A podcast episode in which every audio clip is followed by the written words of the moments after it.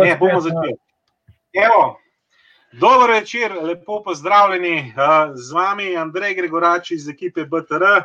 In danes imam posebno čast, da sta se nam pridružila dva zelo, zelo posebna gosta. In sicer Nataša Gorjan Zima in Niki Zima, lepo pozdravljena. Živijo. Vidva sta v bistvu tudi nekako odgovorna za to, da to danes sploh poteka, ker brez vaju, ne mene v tem poslu, ne te ekipe, sploh ne bi bilo. Tako da sem vam že v začetku hvaležen za vse, uh, za štart in za vso podporo, ki jo zdaj dobivamo od vaju, oziroma za vsa ta leta sodelovanja. Evo, sva kriva. Uh, kriva, kriva, kriva, čist, čist. Uh, tako da, mm, uh, res sem zelo vesel, uh, da ste se odzvali temu povabilu. Um, najprej bi, bi vaju prosil, če malo poveste, odkot sta, uh, kaj sta v bistvu uh, počela v življenju, preden sta se začela oba profesionalno ukvarjati z mrežnim marketingom. Uh, za začetek, da malo se ugrejemo. Tako. Evo, bom kar te prepustil. Imajo dame prednost, da vidim. Poglajen, se vidi, kakšen v portlu je, da dela z ljudmi, da mora da ženske prednost. Ja, jaz sem v poklicu um, profesorca angliščine, pa knjižničarka. In jaz sem ciljem, ciljem prilike, zato ker sta otroka imela specifične učne težave, ostala doma. In jaz sem začela iskati nekaj, kar bi lahko delala od doma da bi lahko pomagala k družinskemu proračunu, ne? da ne bi ta čas, ko sta pol otroka bila v šoli, bil neizkoriščen. In jaz sem v bistvu iskala ne? eno tako priložnost, nekaj, kar bi lahko delala od doma. In našla en posel, začela sem iti v čez druge, ampak moram pa reči, da smo se pa tam ogromno naučila da smo vse znanje, ki ga še danes uporabljamo, ne res, res kvalitetno znanje ki, in uporabno znanje, pridobila in potem prenesla na ta novi posel, ki je prišel v najno življenje po desetih letih, recimo dela v mrežnem marketingu. To je bila nekako moja izkušnja, čist na kratko, zdaj pa še nekaj ti tvoja povej. Ja, jaz sem drugač po poklicu uh, strojni tehnik, sem pa praktično že uh, takoj, ko sem šel v šole, prevzel podjetje po očetu in se uh, začel ukvarjati v bistvu s kleparstvom, oziroma tako bom rekel, z gradbeništvom. Tako da nekako uh, letos je, uh, ha, mislim, da tam 25-26 let, odkar imamo v bistvu svojo firmo. Uh, ampak ja, nekje, nekje deset let nazaj uh, sem se tudi jaz v bistvu več, no, mi dva, tako kot je Nataša rekla, že, že nekaj 20 let, odkar smo se v bistvu srečali s tem fenomenom mrežnega marketinga, uh, nekako naj jo je zadeva potegnila noter. Uh, tam praktično bom rekel, večino let smo to delali ob poslu oziroma ob delu, ob najnih obveznostih, to je bila v bistvu neka zadeva za zraven. Uh, ampak uh, nekje par let nazaj je pa ta posel prerasel praktično do te mere, da nam je omogočil, lahko rečem, tisto uh, varnost ali kar koli, da smo lahko praktično pustila svojo prejšnjo dejavnost, pa da se zdaj praktično ukvarjamo uh, samo s tem. Tako da, uh, To je tako, mogoče zelo na kratko. No. Uh -huh, uh -huh. Super, uh, učiteljica in podjetnik, uh, odlična kombinacija. Uh, nista edina, sta pa recimo ena izmed bolj redkih, ki dejansko se družinsko ukvarjata, oba dva uh, s tem poslom. Uh, ja. Jaz vidim tle veliko prednosti. Kako bi vidva to opisala, da se recimo pač, ker sta povsod dejansko lahko skupaj ljudje to vidijo večinoma kot prednost. In dejansko je. Recimo, um, mi dva smo imela neko obdobje, ko smo ugotovila, da mogoče sva, uh, da no, delujeva nekako drugače kot pa recimo ljudje, ko so naja vodili na začetku. Uh, in sva iskala svojo pot, in takrat mhm. ostaneš taj za nekaj časa, dokler ne najdeš nekoga, s katerim lahko sodeluješ, ki ti postane mentor, brez, brez tretje osebe. Tretja oseba pa vemo vsi, da rabimo nekoga, ki te ki pove, s kom ti, si ti v bistvu prišel dejansko stik, s kom delaš, da pove nekaj o tebi, da ti ne izpadeš, da se sam Mhm. A ne. In mi dva sva to lahko izkoristila na ta način, da recimo jaz sem vzpostavila kontakt s človekom in sem identificirala svojega moža in sem rekla, veš, on je že od začetka bil pri firmi komercialist, pa če tako rečem pogovorno, um, ker ljudje ne razumejo merchant marketer in sem rekla, boš se z njim te stvari lahko pomenil ali pa ti bo on to bolj natančno razložil. Medtem, ko če se je on s kom dobil, je identificiral mene, a ne? In seveda Andrews ga lahko uporablja za tretjo osebo. Ampak zdaj, skupno delo, pa dva čist popolnoma drugačna karakterja, je pa lahko včasih tudi uvira. Tako da nekateri ljudje pravijo, a ne, ja, vama je fino, ker ste skupaj. In jaz pravim, lej, ko bomo mi šli iz tega sestanka, boste vi šli vsak na svoje, mi to bomo še vedno dva skupaj. In lahko ima nekdo slab dan, lahko je nekdo bolan, lahko o kakšni stvari razmišljava drugače. In moramo tudi ta čas preživeti skupaj in v sožitju, ne ko bi drugače lahko si, mi se ljudje tudi od enega do drugega odpočijemo, mi pa pa vrste skupaj. In moram reči, da je to izziv, ki smo ga, bom rekla, po tolikih letih odlično vla- vladala. ne. Ampak moram reči, ne gledati vsega tako rožnato. Ljudje, če ste sami štartali ta posel, to ni slabo. To noč ne pomeni, da če smo pa mi dva, dva, pa da je to garancija za uspeh. Sploh ne.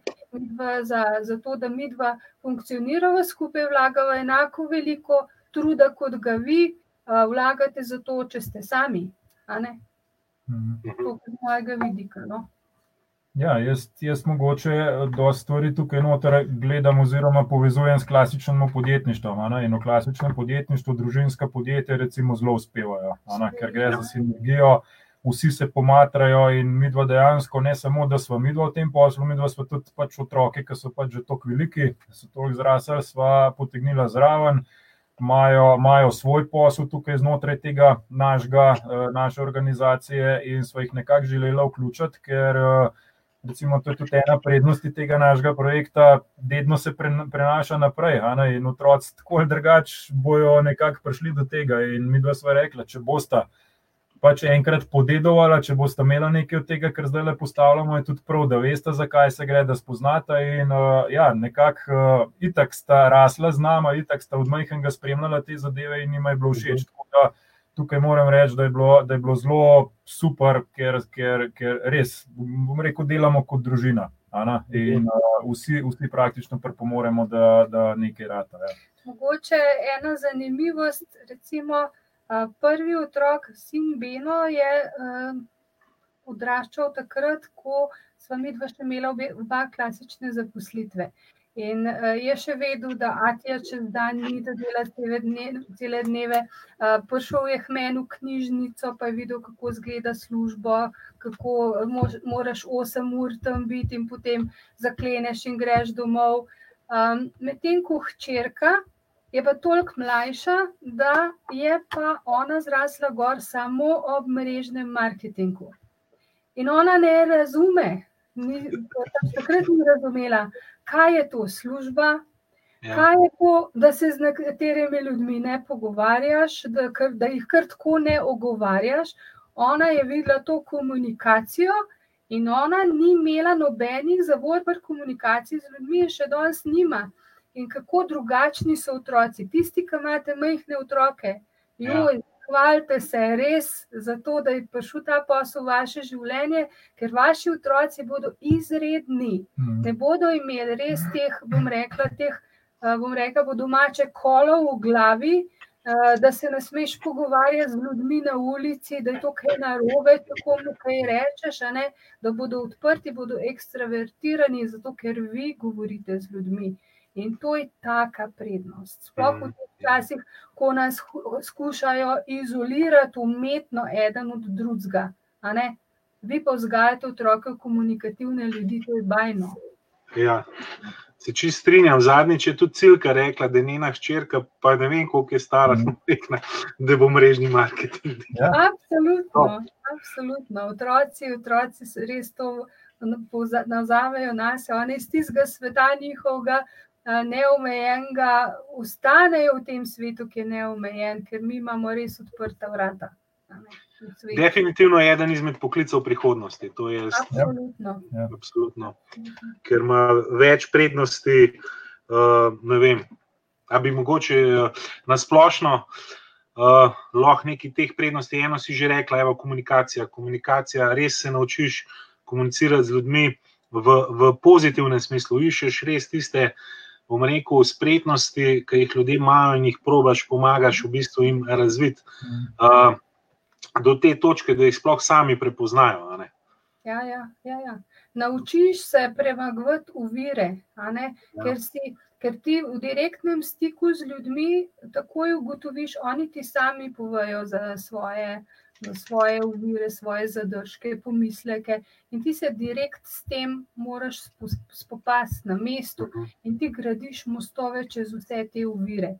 In to je res taka prednost, mislim. Um, Se pravi, mi v nobenen od naju več to ne jemlje kot posel, ampak kot način življenja. Mhm. Ja, se dejansko to ni je. floskula, to ni floskula, to dejansko je tako, ker ti Mhm.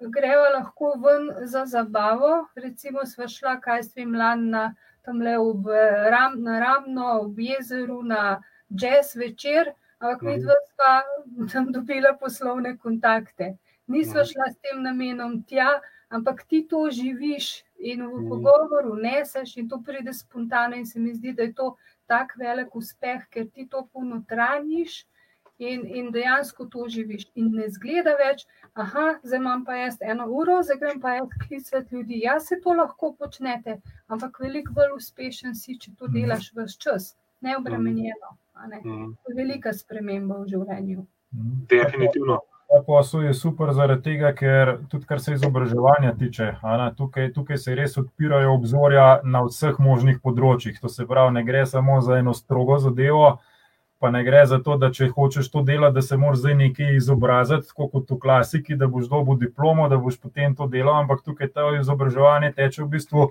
kar konstantno ob tem, ko delaš, ampak ko izobražuješ se naenkrat na, na petih ali pa desetih različnih področjih. In glede, dejansko bom rekel, vsi tisti, ki so v takih projektih noter, ki, ki, ki te stvari delajo, pridajo res do, do tolkega enega uporabnega znanja, ki ga praktično v klasiki, bom rekel, skoraj ne moreš dobiti. To se pravi, te ne uči sistem tega, a ne, razen če se sam ekstra zraven učiš, ampak tuk, tukaj pa to pride kar v paketu noter in to je dejansko super. Mhm. Ja. Uh, da imamo, samo, uh, imamo že uh, prvo vprašanje, ampak uh, z veseljem bomo odgovorili bolj proti koncu. Tako da napišite vse, kar vas zanima, uh, z veseljem vam bomo pomagali pri uh, temu. Imata veliko ekipo in uh, z ogromno ljudi sta komunicirala.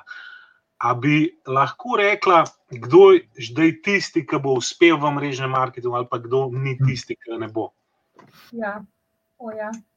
Boš povedal, prosim? Kako, kaj je tista ključna zadeva pri človeku?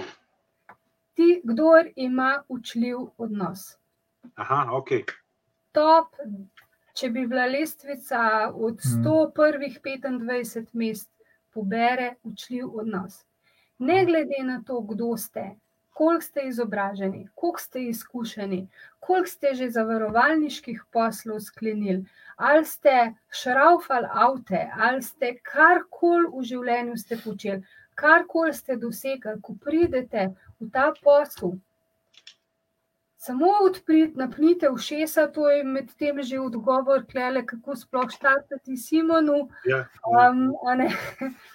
Samo poslušaj, opazuj, kaj se dogaja okrog tebe, kako ljudje okrog tebe delajo, uh, kako se pogovarjajo, kakšna so njihova vprašanja, kako si sledijo dogodki, uh, kaj s človekom početi, ko pride, ko se pridruži poslu.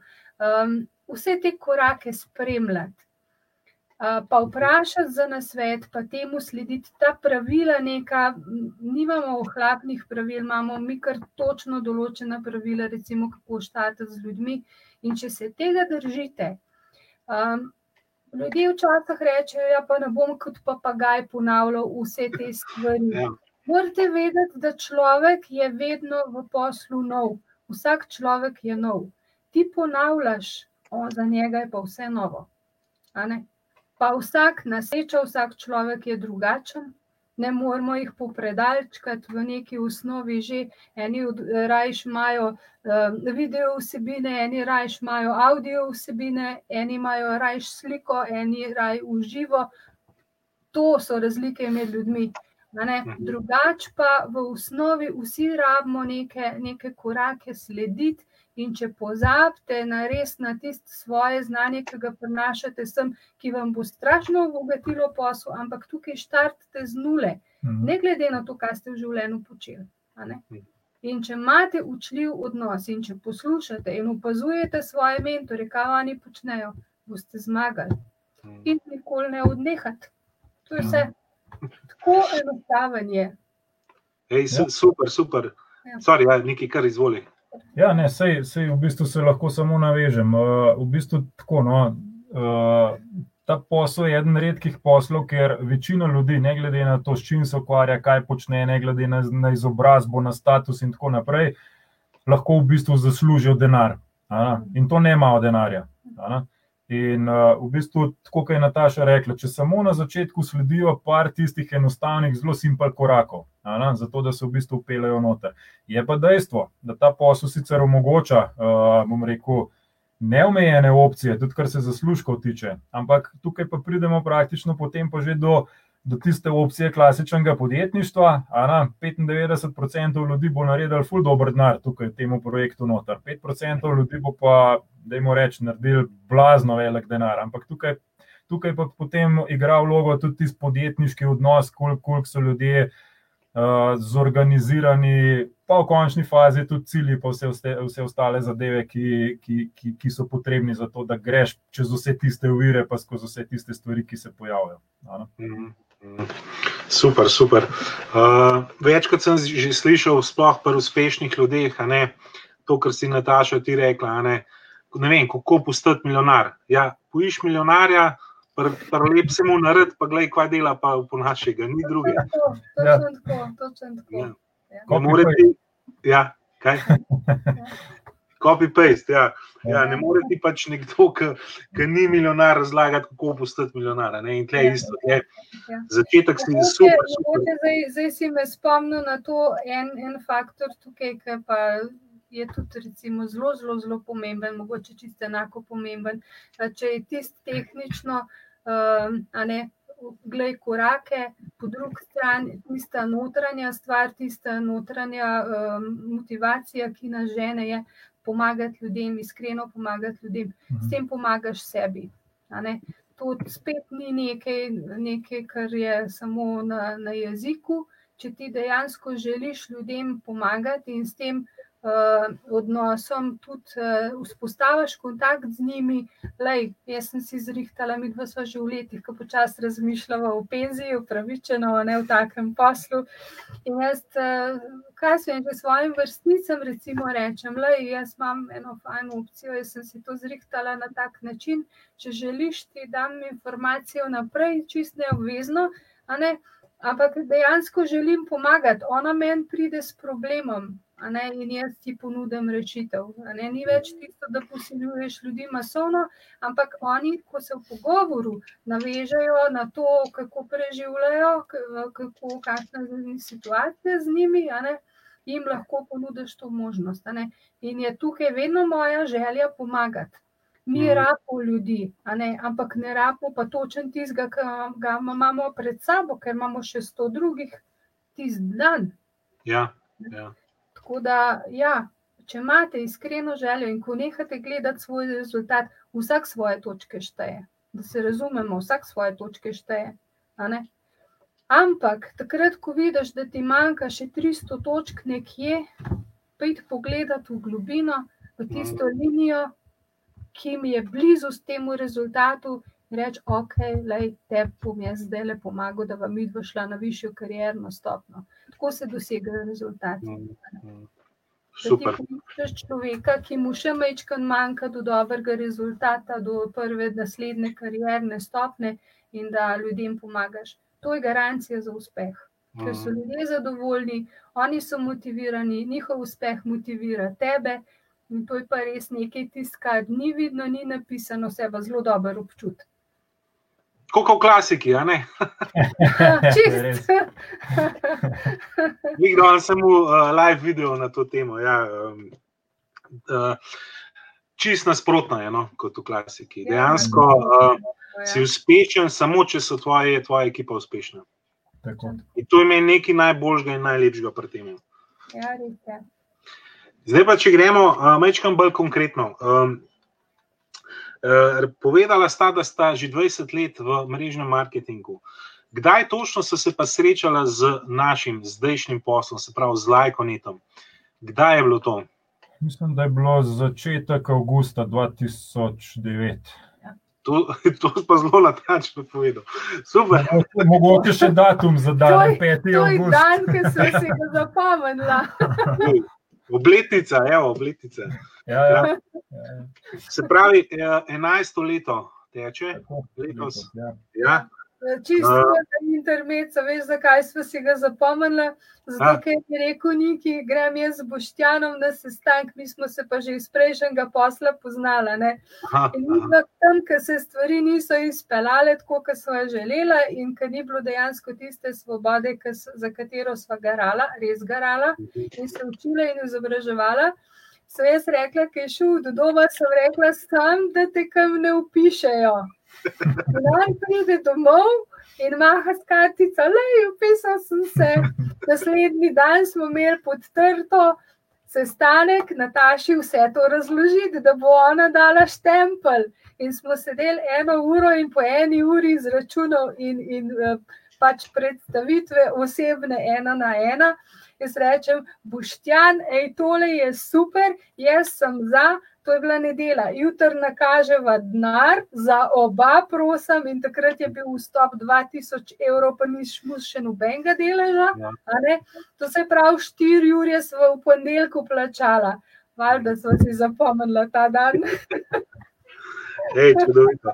Ampak uh, lep spomin, moram Lep reči. spomin, lep Mhm. spomin, ker jaz sem rekla, se pravi, takrat Boštjanu, jaz več ne razumem po eni uri vseh tistih, ki izračunava, on je res matematika ne, in vse to izračunava.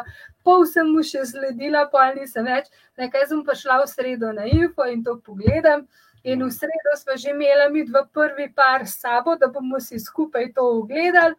In jaz na koncu prezentacije vstanem in rečem, hej, to je to, to je pa tisto, kar pip ni na redu, tukaj pa so. Mhm, Super. utrjeno. Ja. Ampak kaj je bilo točen tist, kaj je ideja sama, ali uh, kaj? Uh, verjetno ni bilo samo denar, pač uh, možnost zaslužka. Ne, jaz sem klele videla veliko priložnost, zaradi tega, ker mi ni bilo treba prodajati. Jaz sem v prejšnjem poslu delala kozmetične salone, Mhm. prodajala sem vitamine, Niki je a, filter vodni prodajal. Uh-huh. In smo imeli ogromno prezentacij, ogromno terenskega dela, ogromno res poti in tega, ogromno enega dela. Ampak mi dva smo mogla pripričati ljudi, da so ti izdelki boljši kot vse ostalo na trgu. Uh-huh. In v eni fazi, ko sem jaz ugotovila, da kozmetični izdelki niso 100% naravni, da se, kot, da se samo reklamirajo kot naravni, in da je mu recimo filter enorm, enormno veliko ceno, veliko, preveliko ceno za na trg, sva rekla, da ne, to, to, ne, to tako ne bo šlo. Tukaj sem pa jaz takoj videla, da tebi ni treba nič prodajati. Ti daš človeku kartico in on kupuje tisto, kar želi.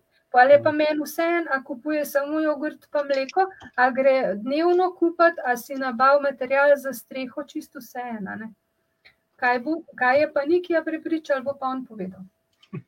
Ja, sej, v bistvu točno to, kar je povedala, da si, da si dejansko imaš možnost ne, kot posameznik ustvariti mrežo, omrežje, ki bazira na dnevnih nakupih, ne, to, je, to je ena zelo močna zadeva. Zdaj, danes vsi vemo, poznamo, kaj so mreže, vsi smo del ogromnih mrež že. Ne, ampak nekdo je te mreže v bistvu enkrat mogel postaviti, ne, nekdo je mogel postaviti infrastrukturo. Danes nam praktično prodaja te stvari, mi uporabljamo te mreže, plačujemo recimo neke impulze, kar koli že, ampak tisti, ki je to postavil, v bistvu od tega služi. Tukaj je zelo podobna zadeva, samo da je, lahko rečem, desetkrat nadgrajena nad vsemi mrežami, ki jih poznamo. Zakaj? Ker večina teh ponudnikov, ki danes imajo neke mreže, so v bistvu tudi naši ponudniki. Uh -huh. In v bistvu, če tako pogledamo, mi ponujamo tukaj vse. Tukaj ni praktično izdelka, ki ga ne bi pod to našo platformo mogel dobiti. Uh, in tako je rekla Nataša, kaj te pripriča tukaj, niti treba nič prodajati, nobenega izdelka, to se pravi, mi nismo trgovina, ne prodajamo nič, praktično pa zaslužimo čisto do vsega izdelka, kar se ga lahko zamisliš. In to, to, je, to je poslovna ideja, kaj je nora, ker se jo praktično vsak od nas, se je verjetno že kdaj. Je že kdaj pomislil na to, ampak verjetno pa ni šel tako naprej, da bi rekel, da ima pa zdaj nekaj narediti. Ne? Ja, ja. Da, to, je, to je recimo tisti posloven model, ki je, ki je res, bom rekel, model, ki praktično že 17 let funkcionira in samo raste. Uh -huh, uh -huh. Ja, človek, ko daš kartico, pa mu s tem že pomagaš. Ja. Zelo, zelo mu lahko pomagaš. Ja. Okay, letos je 17 let, se pravi leto 2020. Kakšne so razlike od trenutka, ko ste videli, vstopili v posel? Pa kakšna je razlika danes. Dajmo na kratko probati opisati. Zdaj je pelo z bohco. Sem. A veš, kje sem v kolena, v višini tako le oči. No, pa se pa, pa, se pa usedeš vem, v, v, v enega Mercedesovega kombija, ki imaš pa noge dol. Hoče si na kratko, je to je razlika. Super. Ne, uh, podjetje je res naredilo um, ogromen razvoj, ogromen razvoj. V, v te, jaz, 2003, ko je bilo ustanovljen, ga res nisem poznal, spoznal sem ga 20 in že od takrat do danes je to nevrjetna, nevrjetna razlika. Um, tako da. Um, Ja, mi, dva, mi dva smo praktično spremljali vse ta razvoj. Ko, je, ko se je v Sloveniji, Slovenija je bila, mislim, da ne vem, čisto točen peta ali šesta država, ki se je odpirala pač znotraj tega našega projekta, tako da smo eh, nekje čist na začetku štartali in, in pomagali praktično postavljati to infrastrukturo. Tako da smo podjetje spremljali čist iz plenic do Donsa. Ne? In zanimivo je, prejšnjo soboto smo imeli en webinar, uh, ki je bil tudi lastnik prisoten. Ne? In je dal tako zelo zanimivo izjavo, ena taka, ki ponavadi lastniki pa direktori ne govorijo o tem, ker je mi mogoče malo narode. In je rekel, pa, pa, pa ga bom zdaj kar kopiral, copy paste. Je rekel, zajebali smo čisto vse, kar smo lahko zajebali v tem projektu. Ja. Ana, dejansko povedal je po pravici, ker napak pa teh stvari bilo ogromno. Zakaj? Ja.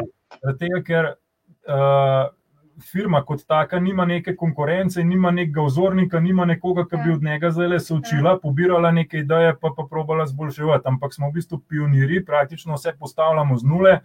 In se ob tem učimo. In mrzkakšen projekt ali pa mrzkakšna zadeva ni zlaufala tako, kot je bila želja. Uh, ampak so pa dejansko se naučili iz tega, skorigirali zadeve, popravili in dejansko samo še bolj zrasli. In zdaj, zdaj je prišel moment, ko so vse tiste stvari nekako urejene, pošlihtane in firma je zdaj v nevrjetni ekspanziji, ampak res v nevrjetni ekspanziji. Mm, mm. In to je res prav z užitkom spremljati, kje, kje vse smo ja. prisotni, uh, rešujemo probleme. Smo prisotni, ja. kje še nismo. Ja. Tega, ja. Super. Imata uh, tudi uh, ogromno ekipo, In uh, vodenje take ekipe mora biti kar izziv.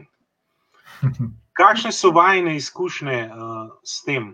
Uh, voditi ekipo, ki dela v bistvu posel. Mhm. Kako bi našim poslušalcem, gledalcem, recimo, kakšne nasvete bi jim dala, kaj je tisto, kar je najbolj vreden tukaj?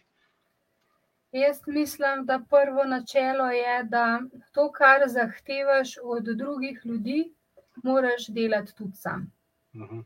Da je to najboljši način, ja, zgled, najboljši način vodenja, je, da ti sam najprej narediš to, in da lahko to pol pričakuješ od ljudi. To je prva stvar, da ne moreš zahtevati nekaj, kar sam nisi naredil.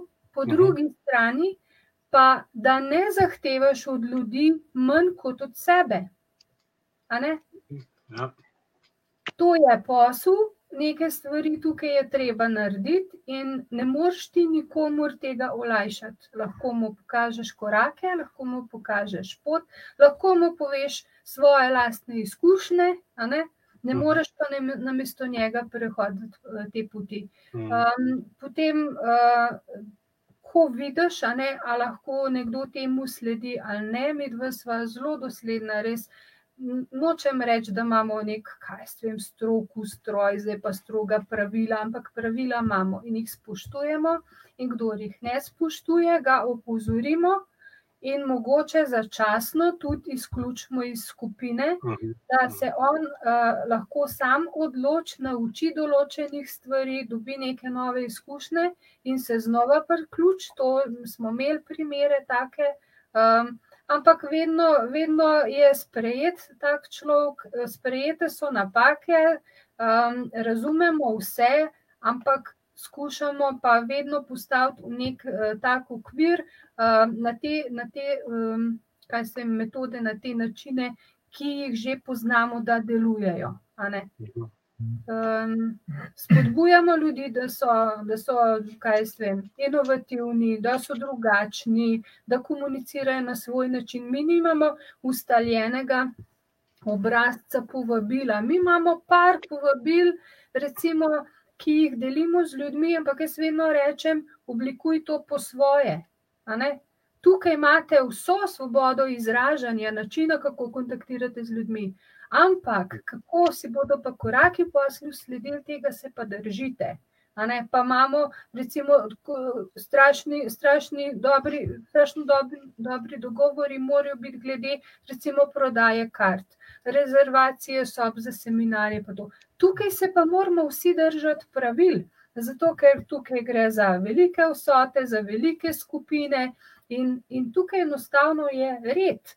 Jaz mislim, da to je tisto, a ne, pa da vedno pristopiš človeku in rečeš: "Glej, če to zmoreš, potem gremo skupaj naprej, če pač ne, lahko si vzameš oddih, lahko kakorkoli, a ne." Na ta način, ne, je vodenje uspešno, da si res, da se držiš nekih pravil, ne. Ohrani red in red te bo ohranil. Ja, razliko od klasike gre tukaj v bistvu za leadership, ne gre za menedžment, ampak gre dejansko za leadership, in tule je fejst velika razlika, a ne, in tudi ljudje imajo dostikrat probleme s tem. Tudi ljudje, ki pridejo v posel, ki so navajeni enih šefov, imajo dejansko problem s tem, a ne, zdaj sicer projekt je super zaradi tega, zakaj, zaradi tega, ker vsak sam določa, kdaj bo delal, s kom bo delal, kje bo delal, koliko bo delal, to se pravi, to je vse na razpolago človeku, sam se odloča, kaj bo, a ne. Ampak veliko ljudi pa rabi šefa in čaka, kdaj ga bo kdo zdajle, bo rekel, ne zdaj pa naredi to, zdaj pa naredi ono, zdaj pa naredi tretje. Okej, tega ne počnemo, ne, ampak s tem, ko pa pokažemo sami, kaj delamo, pa v bistvu tudi damo neki vzor pa pokažemo ljudem: "Evo, sledi ta način, sledi to in boš dejansko dosegel tisti, tisti cilj ali pa tisto, kar si si zastavil." Super, super. super informacije. zdajle smo še vedno v fazi karantene. Tale, virus, jaz mislim, da bo kar precej spremenil naša življenja, da stvari določene še niso konec. po eni strani, opažamo vso to, bom rekel, ne vem, eno krutost kapitalizma, ne, v bistvu, ke vidimo, pač ljudje ostajajo brez služb.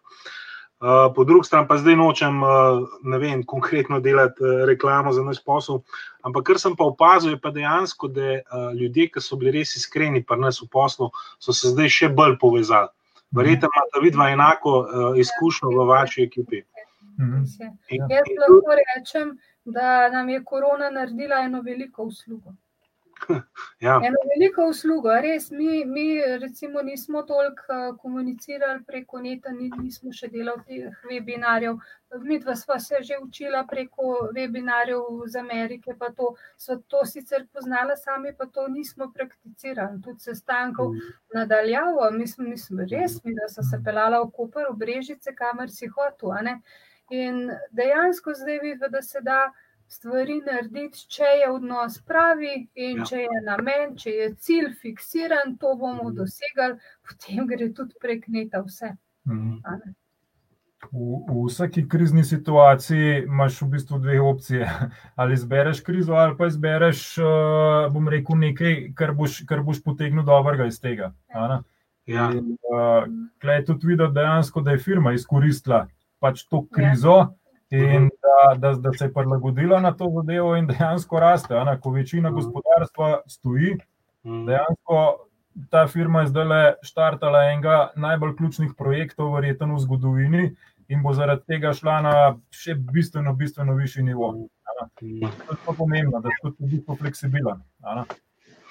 In zato sem prej rekel, da je mrežni marketing je definitivno eden izmed poklicev v prihodnosti. Ja, Ja. ja. Ja. Ker um, imaš toliko možnosti, no, da v bistvu delaš, da pomagaš ljudem, da pridejo vem, do zaslužka, do tistih svojih ciljev, ki so si postavili.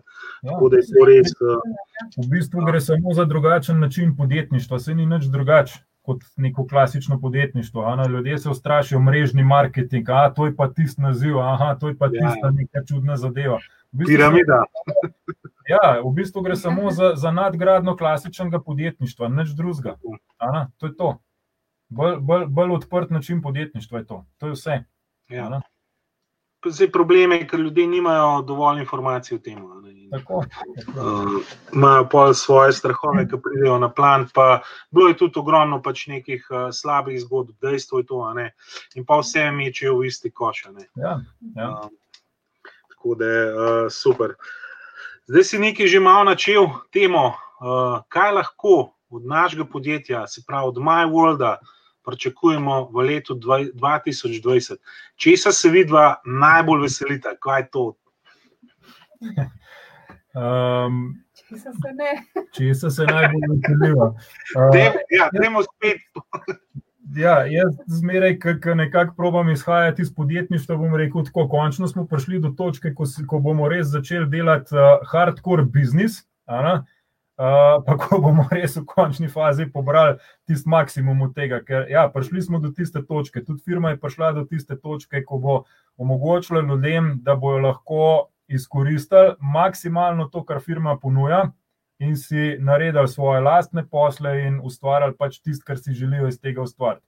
To se pravi, ne bo več neka malo taka hobi varianta, ki je bila do zdaj. To se pravi, da pa malo pobrskaš, pa malo ne, pa tako naprej, ampak prehajamo res do tiste.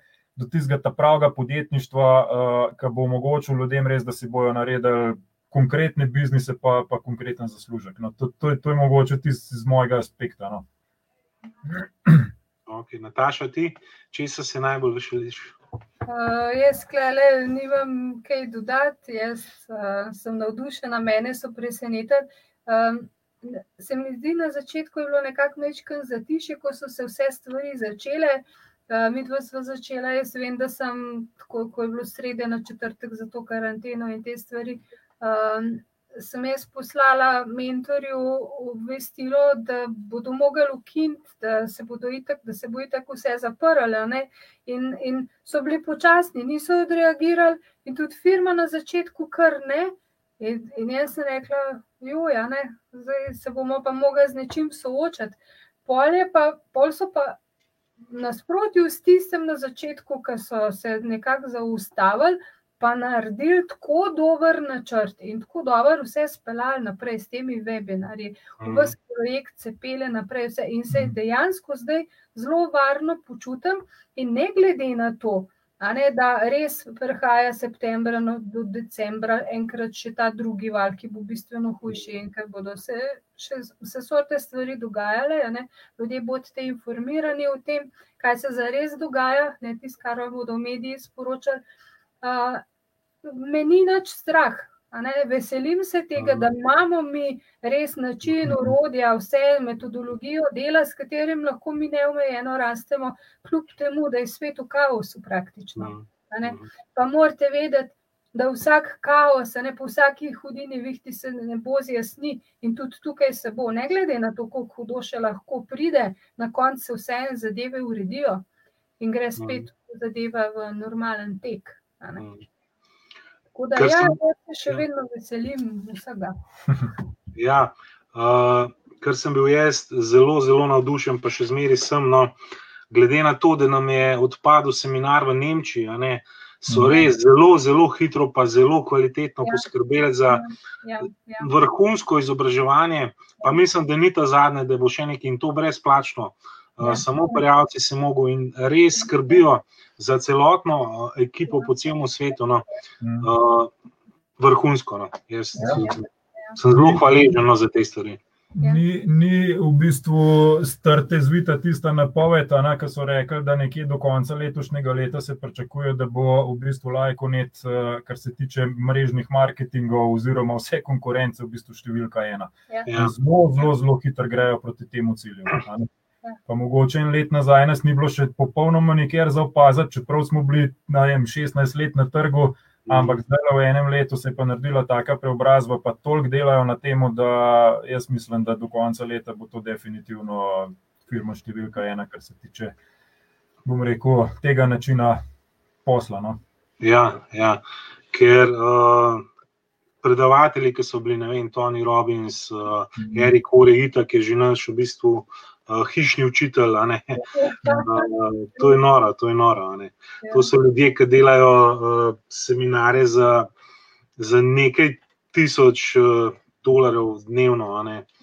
In so res prispevali svoje znanje in svoje izkušnje.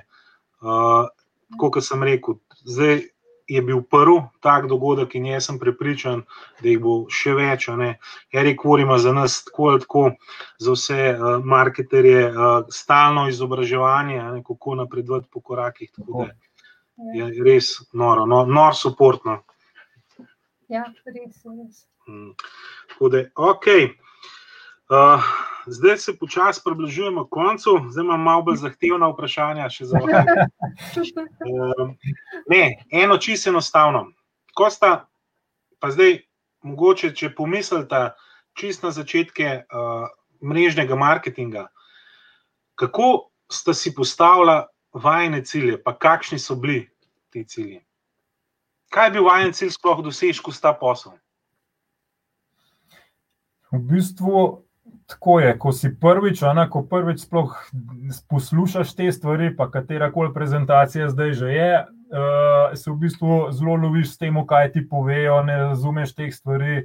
Raba še enkrat, dvakrat, trikrat, da se nekako zadeve usedejo, ana, potem pa prideš do tistega, da ja, zdaj se pa treba postaviti cilj. Uh, ampak cilji na začetku so ponovadi zmeraj taki majhni, taki bolj medli cilji. Noben ni še rekel, Najem, jaz bom pa kar milijarder, rato, ena po ta drugemu uh, infotu ali pa karkoli po ta drugi informaciji. Tako da tudi mi dva smo mogoče dobro. Čist, ker smo se prvič soočili s tem, smo rekli, ajde, da je probat, pa da vidva, če bo ta prvih 100 ali pa 200 evrov preletel. Ja, super, fajn, pa bomo pašli od tam naprej. Tako da, recimo, ko se prvič srečaš s tem, mogoče zmeraj res postaviš ne take zelo nizke cilje. Um, mava, pa, mava pa mi dva zdaj, recimo, ko se pogovarjamo z ljudmi, ne, ko delaš recimo nek tisti follow-up ali sestank po tisti prvi informaciji, pa nekako še zmeraj probaš potem potegniti tudi človeka, da vidiš, do kje mu pa seže tisti cilj, do kje sploh upa razmišljati. Ne, in to, to je zelo pomembno.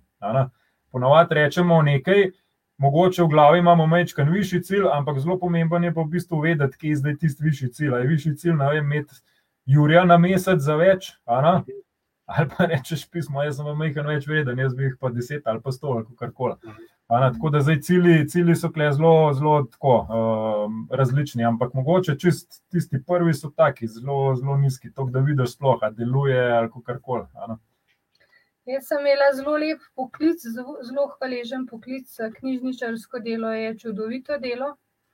Um, ampak sem pa doživela v službi tak mobbing strani šefice, ki se je pos, pos, počutila ogroženo, da mi je zagrenila bivanje tam in življenje v knjižnici. Mhm. Pol sem, bom rekla, šla na to pot uh, tudi samostojnega podjetništva. Jaz sem randko imela um, svojo firmo za prevajanje, potem Mhm. pa mrežni marketing sem vključila v to. Eh, In je bil tudi to, mislim, neko srečujoč pokliče, poklic. Jaz sem imela recimo inštrukcije za vse otroke, ki so imeli težave pri angliščini, za starejše, ki so se lotili uh, diplomo, do, maturo dokončati, diplomo dokončati, kar koli so rabili pomoč pri angliščini. Zelo hvaležno delo, ampak ni bilo pa, bom rekla, toliko prihodkov, da bi mi lahko tega brezkrbno živeli, a ne kljub temu, da sva pač nekaj zaslužila, oba skupaj še vse en. Sami veste, tisti, ki ste podjetniki, koliko država pobere. Um, po drugi strani sem pa tak svobodnjak, mene se eno- enostavno ne da v neke kalupe dati v ograje, kakršne koli v sisteme. Res jaz res tako svoboden človek že po naturi, pa vizionar. Ponavadi vidim veliko veliko dlje, kot pa nekateri drugi ljudje. Je Ki ja. In enostavno jaz nisem mogla nazaj v službo, tudi ker smo se sem le preselili. In jaz sem vse čas razmišljala, ne samo o tem, tukaj kapla, tukaj vse čas kapla. Veste, tisti čas, ko smo mi obnavljali to hišo, ne, ve, ne vem, če vsi poslušalci zdaj veste, a gledalci, da smo se mi dvaselila z Gorenske na Štajersko. In je bilo treba pa nekaj najti, ne, za preživetje. Zdaj, um, prvi sosed, klele je uh, najboljši krovc, za pol štajerske, nekje dobo tako konkurenco, so rekli, s tem se nava ukvarjala. Jaz, da bom delala promocije za tiste moje inštrukcije, da ni bilo ne vem kaj, mal prevodi pa to. Jaz sem rekla, nič, ampak vse čas, vse čas ljudje je nama kaplal iz, uh, iz tega posla, ki smo ga delala prve štiri leta.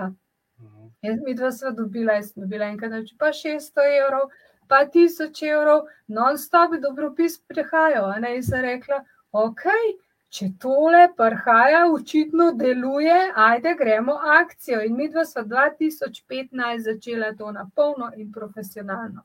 In od takrat naprej eh, bom potrkala, ni, ni, ni več postaje, ni stvari, da bi naj zaustavila. Res. In hvala Bogu, da imamo firmo, ki je tok napredna, da presega našo domišljijo.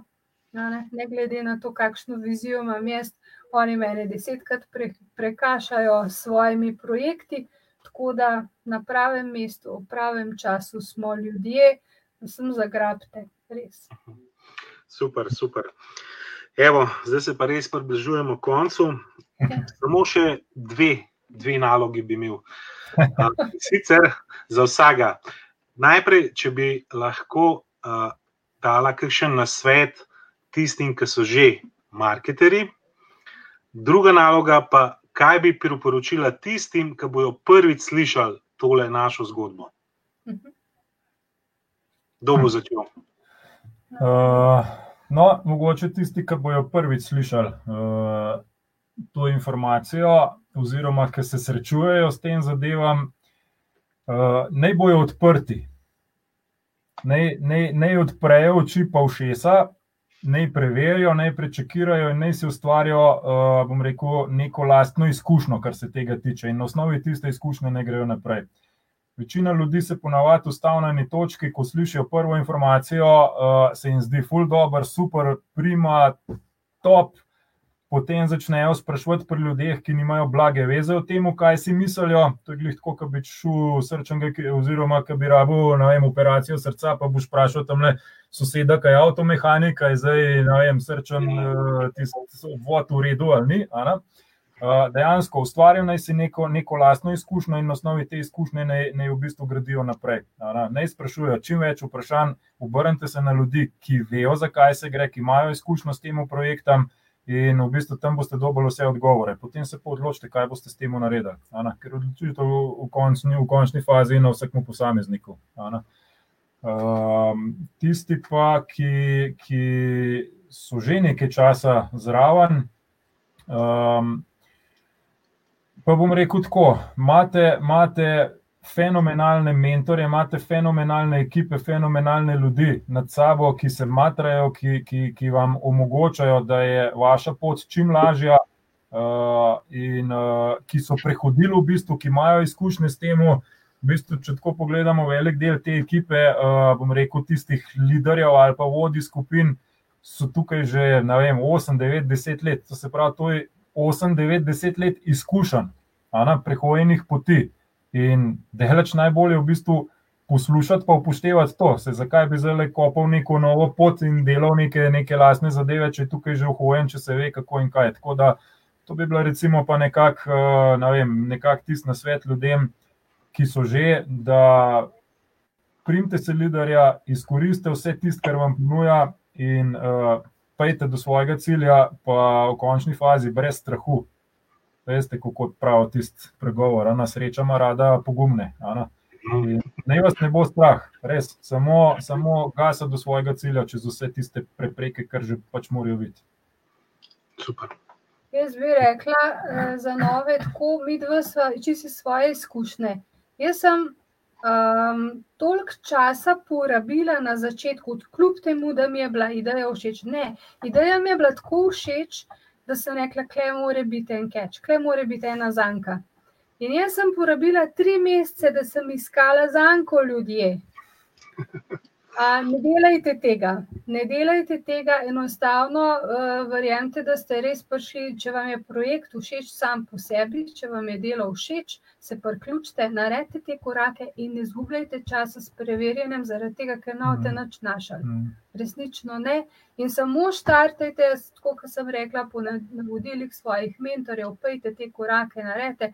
Če na en način ne gre, Jaz sem študirala nadaljavo um, pri Randy Gageu, če ga kdo pozna, uh, sem bila njegova študentka in on je vedno rekel: enostavne korake, keep it simple. In probavaj, če nekaj ne gre, na drug način probaj. Če ta način ne gre, drug način, dokler ne boš najdel nekaj, kar deluje. Mogoče to prvo povabilo. Če povabilo deluje, uporabljaj ga do nezavesti tudi če, tudi če je že pol leta, da na isti način vabite, pa če imate uspeh, ko spet ne bo delovalo, pejte na noga, za nove, recimo, ljudi. Za stare, oziroma za tiste, ki so dalj časa v poslu, bi pa rekla tako. Imeli smo razno razne izzive v tem poslu, kakšne stvari se niso išle, firma je vedno to popravila, vedno popravila, denar vračala, vse, vse, vse nam je dala možnosti, da smo lahko res uh, bili zadovoljni, da so se vse rešitve za vse probleme našle. Zato bi jaz tem ljudem, ki ste dalj časa v poslu, rekla: Glejte pozitivne stvari. Mi smo se že zadnjič na enem webinarju pogovarjali o tem, ko so rekli, da je MBS nam je to utežil uh, zadevo, pa vse skupaj. Ne jemljte stvari, ki se uvajajo kot, kot problem. Vedno poiščite, na vsaki spremembi, vedno poiščite nekaj pozitivnega. Vedno najdete prednost in samo prednosti poudarjajte. In če boste vedno iskali samo prednosti, sploh ne boste imeli nobenih problemov. Če, ker v vsaki, um, ko smo mi v prvem poslu imeli mentorja z enim top, top liderjem, smo se enkrat dobila, ko smo že pač nekaj naredila. In ko smo ga mi dva vprašali za nasvet, kakšen nasvet, kako bi on povzel svoje izkušnje, je rekel: V vseh teh letih, ko jaz delam ta posel, sem se naučil eno. Nobena stvar ni ultimativno dobra, pa nobena stvar ni ultimativno slaba. Če sam korona situacijo pogledamo, a ne po en stran groza, kaos, po drugi strani nove priložnosti. In tako gledite mhm. vse, kar pride v vaše življenje in da vas zmoti, vi takoj naravnajte se na to, da boste takoj pozitivno stvar v tem, kaj pa lahko iz tega iztržite dobrega, kaj vaši ljudje lahko iztržite dobrega. Letel boste. Če boste ta odnos imeli v tem poslu, boste leteli. Res. Zadnjo nalogo bom pa še Simonu odgovoril, ker smo rekli, da bomo na koncu mu odgovorili. Ja, ja. Vse smo mu že itak desetkrat odgovorili, da bo tarta Simon. Uh, na glavo se vrši v biznis, noter pa sprobaj ga, testiraj ga in to bo tvoja najboljša izkušnja, in tam boš Ja. videl, kako zadeva funkcionira. To, to, to je edini način, kako lahko sprobaš. Tako da, evo, Hvala, Nataša, čakaj. ja, okay. nekaj povej. Prav, hvala vsem, ki ste naj poslušali, ki ste zdržali z nami, z vsemi najnimi modrostmi. Um, jaz upam, da vam bo to prav prišlo in da, bo, da se bomo srečali v priliki, kje je uživo. Pocukajte naj za, za rokav, vsi se ne poznamo. Rečete, takrat sem poslušal. Ampak Andrej ima še eno vprašanje za Ama, mano. ok, da je to. Nimam. Uh, hotel bom samo sam povedati, da to je bilo res zlato vred, zlata vreden uh, tale pogovor, tele biserčki uh, modrosti, ki ste jih uh, delila z nami. Tako da sem vam res zelo, zelo hvaležen, uh, da vaju v osnovi sploh poznam in da gremo skupaj po tej poti. Uh, da danes se vam res zahvaljujem iz srca za tale pogovor. Uh, jaz upam, da se bomo čim prej videli, tudi tako, da kakšno uh, še v živo rečemo. Um, drugače pa uh, hvala vsem, ki ste bili z nami. Uh, še enkrat hvala Nataši in Nikiju. No, jaz, jaz bi mogoče za konec še rekel takole. Ana, ne glede na to, kakšen je najen uspeh, ne glede na to, kaj smo dosegli v tem projektu, brez v bistvu ekipe, brez tudi vaše ekipe, dejansko tega uspeha nikoli ne bi bilo. Tako da uh, tukaj gre res za, bom rekel, eno tisto tesno sodelovanje, za ekipno sodelovanje in samo ekipa v končni fazi lahko doseže tukaj največje rezultate, najmočnejše. Tako da Zato pa imamo tisti strogan, slogan, skupaj smo močnejši. Ja, ni da, za. Ja. Ja. Hvala tudi tebi, Andrej. Hvala za povabilo. Ej, hvala, lepo se majta, ostanite zdravi in upam, da se vidimo čim prej. Okay. Enako, tudi Srečno. vi. Srečno, živijo.